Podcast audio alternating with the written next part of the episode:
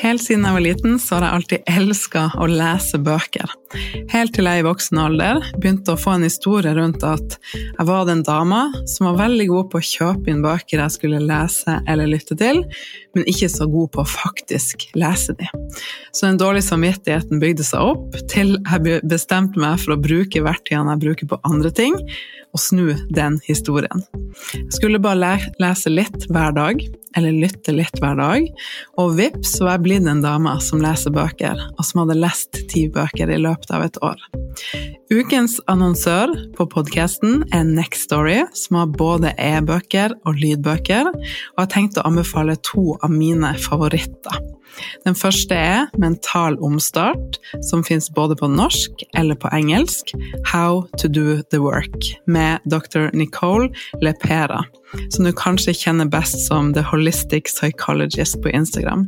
Fantastisk til å formidle budskapet på en enkel måte som gjør at vi blir inspirert til å ta mer tak i vårt eget liv og bryte ut av begrensende tanker. Den andre boka er Tenk som en munk, som også finnes på engelsk. Think Like a Monk med Jay Shetty, som også spiller veldig på det her med hvor vi legger fokus, og at vi kan ta ansvar for vårt eget liv og skape mindre stress og mer ro og mer takknemlighet for det vi allerede har. Og jeg har et eksklusivt tilbud til deg, der du får prøve Nextory seks uker gratis hvis du går inn på min link. Gå inn på nextstory.no slash bestedeg, nextory.no slash bestedeg, og melde deg på for å få tilbudet. Så kan du prøve en av de bøkene, eller finne noen andre som du har lyst til å lese. Så gleder jeg meg masse til å høre hva som blir din favoritt.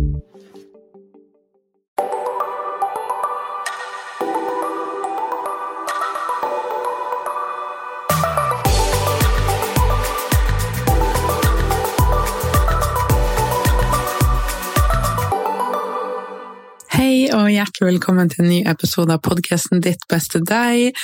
Her sitter jeg på hjemmekontoret mitt, helt sånn cozy vibes under pleddet, og spiller inn en ny episode til deg. Jeg har akkurat vært på Oslo Rå og skrevet på boka mi, som virkelig begynner å ta form. Og den skal etter planen ut til våren, og gleder meg så mye til å dele mer om den prosessen med deg. Jeg har sendt det videre til redaktøren min nå, og venter spent på tilbakemelding, sånn at jeg kan fortsette. For jeg, jeg føler at vi begynner å nærme oss noe, men jeg forstår at det er en del som gjenstår.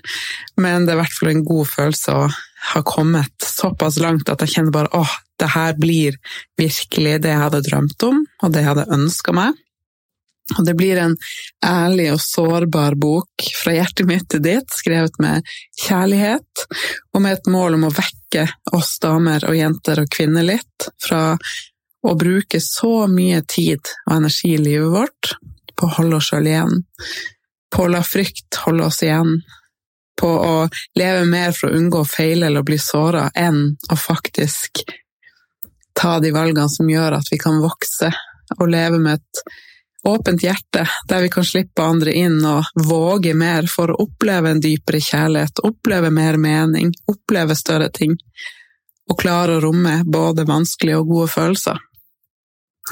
Så um, i denne episoden så tenkte jeg å snakke litt mer om et sånn mindset-skifte, som, som har hjulpet meg veldig mye i min prosess, og som jeg ser er noe av det viktigste for de damene jeg hjelper, enten om det er i Body Love Academy med å få mer frihet rundt mat og tillit til seg sjøl, eller det med å starte eller skalere sin egen business, som jeg kommer til å gjøre mer og mer av nå fremover.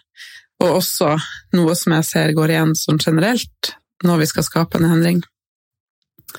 Så jeg ville snakke litt om det å leve fra frykt, og som jeg sa, unngå å feile at vi er mer redd for å feile og gjør ting for å unngå å feile, versus liksom å snu fokuset.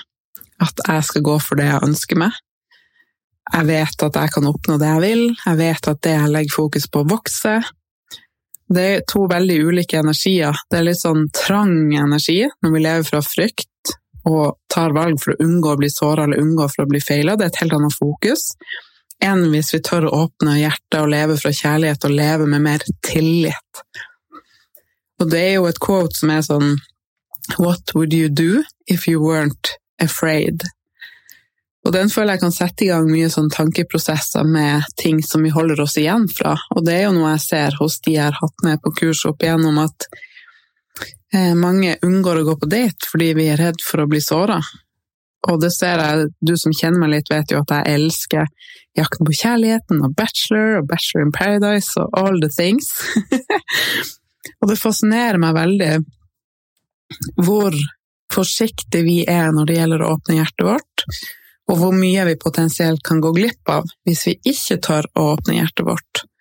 Og hvis vi stedet kommer fra det stedet i oss der vi vet at vi kan romme gode og vanskelige følelser, at for å kunne oppnå en dypere kjærlighet, så åpner vi oss også potensielt opp for å bli såra, og for å oppleve vanskelige følelser, men at det alltid vil være verdt det, og at vi går glipp av så mye hvis vi ikke tør. Hvis vi ikke tør å gå ut av komfortsonen, hvis vi ikke tør å gå på den daten, så møter vi ikke den personen vi kanskje skal leve sammen med i en måned, noen måneder, noen år, et helt liv. Og det er det som jeg lærer veldig bort, fordi jeg har sett hvor stor endring det har gitt meg i mitt liv. At jeg klarer å romme alle typer følelser på en helt annen måte. Og at jeg står stødigere i det også. Og at jeg kan ha en dag der jeg kjenner på vanskelige følelser, men jeg tillater meg likevel å være glad og kjenne på glede. Jeg kan ha en dag der alt føles i flyt og lett, men jeg blir ikke redd hvis jeg kjenner på litt motstand, eller hvis det kommer noe som gir meg en litt dårlig følelse. Jeg klarer å romme begge deler, og stå stødigere i det, og det tenker jeg er veldig, veldig viktig på din prosess. Så hva ville du gjort om du visste at du ville lykkes? Hvis du snudde fokuset fra at du er redd for å feile? Hvis du visste du ville lykkes med den endringa du har lyst til å få til? Hva ville du fokusert på da? Merker du i deg nå at det gir deg en helt sånn annen energi, et helt annet utgangspunkt, Det åpne opp mer i, i kroppen din og i systemet ditt og i energien din? Så den endringa du ønsker å få til, om det er å endre livsstil, bli mer fri rundt mat, eller gjøre noe nytt i din egen business, eller tørre å gå på date, eller ta den samtalen med venninna di, eller noen i din nærhet. Når du er redd for at det du prøver på ikke skal gå, så stopper vi ofte å gjøre de tingene som faktisk fører til at vi lykkes, fordi vi begynner å lete etter løsninger på feil sted og får en helt annen energi. Sånn som hvis vi skal ta eksempelet å gå ned i vekt. Hvis vi er redd for at det ikke skal gå, så begynner vi å være veldig strenge med oss sjøl. Vi veier oss kanskje for å se etter fremgang, og med en gang det tallet ikke viser det samme eller mindre, så tror vi at vi gjør noe feil, og så stopper vi å gjøre de tingene som faktisk ville gjort at du hadde fått det til. Hvis du skal lansere noe nytt i businessen din, og så får du ikke den umiddelbare responsen du kanskje hadde ønska deg, med at noen kjøper med en gang, eller du får masse likes eller mye feedback, så kommer vi i en sånn veldig sånn fryktenergi, og det hemmer litt kreativitet. Og det hemmer litt at vi faktisk tar de valgene som ville ført til at det ville lykkes. Hvis vi i stedet snur det og bare jeg vet at det her produktet kommer til å gjøre det så bra, det er bare spørsmål om tid. Og hvis vi vet at det ville lykkes, så ville du fortsette å heve din egen energi. Du ville fortsette å ta vare på deg sjøl. Du ville snakka med selvsikkerhet og fortsatt å dele ditt budskap uten tvil, for du vet at de kommer. Det er bare et spørsmål om når. Mens når du begynner å få tvil, så trekker du deg litt tilbake, så kjenner du på frykt, så lar du kanskje være å ta like godt vare på deg sjøl, og så kommer du i en sånn nidig energi som ikke er like magnetisk. Så det handler litt om å snu fokuset. Hvis du visste at det kom til å lykkes, og du ikke satte en, tids, en tidsbegrensning på det, hvordan ville du møtt opp i dag? Og det jeg ser ofte som går igjen, er jo at eh, med de jeg coacher, at det er mange som sier at jeg skal prøve. Ja, ja, jeg er enig, Torunn, og ja, jeg skjønner det, jeg skal prøve å få det til. Og jeg skjønner at det er noe vi sier kanskje for å beskytte oss sjøl, fordi det er skummelt å gå ut av komfortsonen, og det koster litt å gjøre endringer. Og det er så lett for oss å bli i den komfortsonen, selv om det er et sted vi egentlig ikke ønsker å være, fordi vi ikke har det bra der. Og litt sånn som vi lever nå, og sånn som ting er nå, så gjør vi alt vi kan for å unngå å stå i ubehag. Ubehagelige følelser, ubehagelige samtaler, ubehagelige situasjoner. Så vi rømmer, nummer eller unngår. Hvis vi har indre uro, så begynner vi kanskje å scrolle. Hvis vi savner noe i livet vårt, så spiser vi kanskje for å dekke det tomrommet. Hvis vi er i en jobb vi ikke trives i, i en relasjon der vi ikke har det så bra, ikke lever helt i tråd med våre verdier, så er det lett å ville rømme fra det ubehaget det gir, med det som gir en rask lindring, en rask bedre følelse, som å scrolle og spise. Da er det lett å ville holde seg trygg ved å si at vi skal prøve, eller ikke gjøre det vi kan, for da slipper vi i hvert fall å bli skuffa. Så da holder vi oss litt liten, vi holder oss trygt. Og dette gjør at vi bruker så lang tid på å komme dit vi ønsker, det holder oss igjen. Hvis du i stedet øver deg på å klare å stå i ubehaget, og trene opp litt nervesystemet ditt til å tåle mer, så kan du skape den endringen du ønsker deg. Og du kjenner at det er trygt, at det er ubehagelig Det kommer jo selvfølgelig an på hvilket ubehag det er, men når du vet at det er et ubehag som vil føre til en endring, så er du villig til å stå i det, og du klarer å stå i det på en helt annen måte. Og indre uro kommer av en grunn. Det er noe du skal lytte til.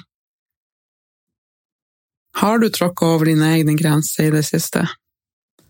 Hvor flink er du til å lytte til deg sjøl og være ærlig med deg sjøl om hva du trenger, å sette grenser og kommunisere tydelig med kjærlighet og mykhet til deg sjøl og de rundt deg, hva du trenger å stå stødig i det, står stødig i det uten å føle at du må unnskylde deg, enten overfor andre eller overfor deg sjøl. Er du der som jeg var før, at jeg tenkte at jeg bare hadde lov til å sette grenser hvis den andre personen var enig i den grensa jeg satt? Og hvis de prøvde å motsi det, så var jeg sånn nei, nei, bare glem det, da går det fint sånn helt, litt sånn nølende på jakt etter bekreftelse hos andre på at du har lov til å sette den grensa som kjennes helt riktig ut i deg. Så det er ingen andre enn jeg og du som kan skape den endringa vi ønsker oss, og endring gir ubehag. Det er noe av det vanskeligste vi mennesker gjør, men at det blir verdt det 100% Og i prosessen så vil du klare å romme begge deler, både gode og vanskelige følelser.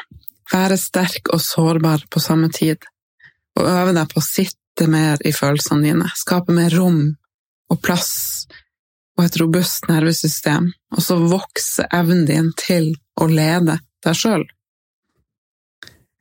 Så istedenfor å skulle prøve, flytt fokuset til at du har tillit til prosessen. Gi litt slipp på tidslinja for når ting må skje, og øv opp evnen din til å stå i det rommet, eller mellomrommet, mellom når du har bestemt deg for å gå for noe, og til at du får bevis for at det går. Og minn deg sjøl på at det du ønsker deg, kommer til deg, og at endringen du vil ha, vil skje. I hvert fall om det er i alignment, i hvert fall om det er noe som er riktig for deg. Så jeg skriver litt eh, om det i boka mi, og også snakker mye om det i Body Love Academy, det ene kurset mitt, at hvis du prøver å skape en endring på en måte som egentlig ikke er riktig for deg eller i tråd med dine verdier, så kan det være en grunn til at det ikke er riktig for deg, at, at det er der du trenger å se litt. Men hvis det er en endring som er helt i tråd med det du ønsker, og det som er viktig for deg, ditt hvorfor, hvordan du vil leve livet ditt, og du vet at du kommer til å få det til, du vet bare ikke når, så møter du opp på en helt annen måte fra dag til dag. Du leter ikke lenger etter bevis på at det ikke skal gå, eller at du ikke fortjener det, eller at du har falt av. Du tar læring av ting som skjer underveis. Du, ikke, du skaper ikke en historie rundt ting og lar det handle om at du er god nok eller ikke. For det er som sagt sårbart å gå ut av komfortsonen. Og det kan være sårbart å skulle være mer synlig på sosiale medier, eller be om noe fra sjefen din, eller ta den samtalen med noen i din nærhet om hva du trenger. Det kan føles sårbart, men du har din egen rygg uansett. Og du er i en prosess med å øve deg mer på å lede deg sjøl og stå i ubehag og være tydeligere og ærligere med deg sjøl. Så hvis du visste at du ville lykkes, og du gir slipp på når og hvordan, hva er du klar for å fokusere på nå da? Det jeg ser igjen og igjen, er at vi legger veldig mye fokus på hva vi ikke vil ha, og hva vi ikke syns fungerer. At vi legger for lite fokus på hva vi faktisk vil ha, og stopper ikke opp ofte nok i prosessen og å faktisk evaluere. Er jeg på vei dit jeg vil? Hva har jeg gjort som har funka, hva har jeg gjort som ikke har funka? Er jeg der jeg vil være? Vi har så lett for å la oss rive med at du-lista og den hektiske hverdagen og hva andre ønsker. Så trenger vi hele tiden å komme tilbake til å minne oss på at dette er mitt liv, det er ditt liv. Du har lov til å ta litt mer ledelse og eierskap over akkurat det, og fylle livet med det du ønsker, og kunne få kjenne på den følelsen av at du gjør deg sjøl stolt. At du kjenner at kapasiteten din vokser, og at du står stødigere i ting som du vanligvis ikke ville stått like stødig i. Og det er noe av det beste som har skjedd meg gjennom min reise. Det er hvor mye stødigere jeg står i meg sjøl nå. Jeg kjenner meg sjøl så godt. Jeg har så mange flere verktøy. Jeg vet så mye mer hva som ikke funker for meg, og hva som funker. Jeg vet hvor, hvordan jeg skal snu hvis jeg havner litt på et spor jeg ikke vil være i. Og jeg tør mer, for at jeg vet at jeg tåler det hvis jeg ikke får det til med en gang, eller hvis det tar litt tid. Jeg tåler å stå i ubehagelige følelser, og jeg lar det ikke bety noe om meg. Og da kan det skje magiske ting i livet vårt. Da er vi ikke lenger den som sier at vi skal prøve. Da går vi for det vi vil ha. Men det, det er en prosess å komme dit. Men det er en evne til å lede deg sjøl og stå i alle typer følelser og klare å romme de og stå stødigere i deg sjøl, den vokser gjennom en sånn prosess, uansett hva det er når det gjelder å gå ut av komfortsonen og skape endring. Bli friere og tryggere rundt mat, slutte med overspising eller emosjonell spising. Starte eller skalere din egen business. Skrive bok, starte podkast, eh, melde deg på klatring, tørre å gå på date, grunnmuren i livet vårt er forholdet vårt til oss sjøl. Og jeg eh, leker meg litt med å lage et nytt kurs til neste år. Jeg skal fortelle dem mer om det eh, etter hvert. Det første som kommer nå, er jo den mastermind som jeg og Guri Five skal ha sammen. Eh, der fem av plassene allerede er tatt, og vi starter opp i januar. Og det er en seks måneders mastermind for deg som er klar for å ta livet ditt og businessen din til neste nivå. Og jeg har investert i meg sjøl og i masterminder og i mentorer jevnlig de siste seks-syv årene, og det er noe av det beste jeg har gjort for meg sjøl, uten tvil. Også ulike former for coachinger og sertifiseringer og metoder og det er noe av det beste jeg har gjort. I starten var det så skummelt å skulle investere i meg sjøl, jeg følte jeg måtte be om lov. Mens nå har jeg skjønt at den viktigste investeringa jeg gjør, den er i meg, for det skaper ringvirkning i hele livet mitt. Og det å være med i Mastermind det gjør at jeg ikke sitter alene med ting. Får være i et rom med andre som tenker større, og der vi kan hjelpe hverandre og utfylle hverandre og hjelpe hverandre å vokse. Der vi kan være sårbare sammen. Og det å ha din egen businessmentor, eller to, som i dette tilfellet, det er gull verdt, for du slipper å sitte alene med frykt og tvil og nøle. Burde jeg gjøre det sånn eller sånn?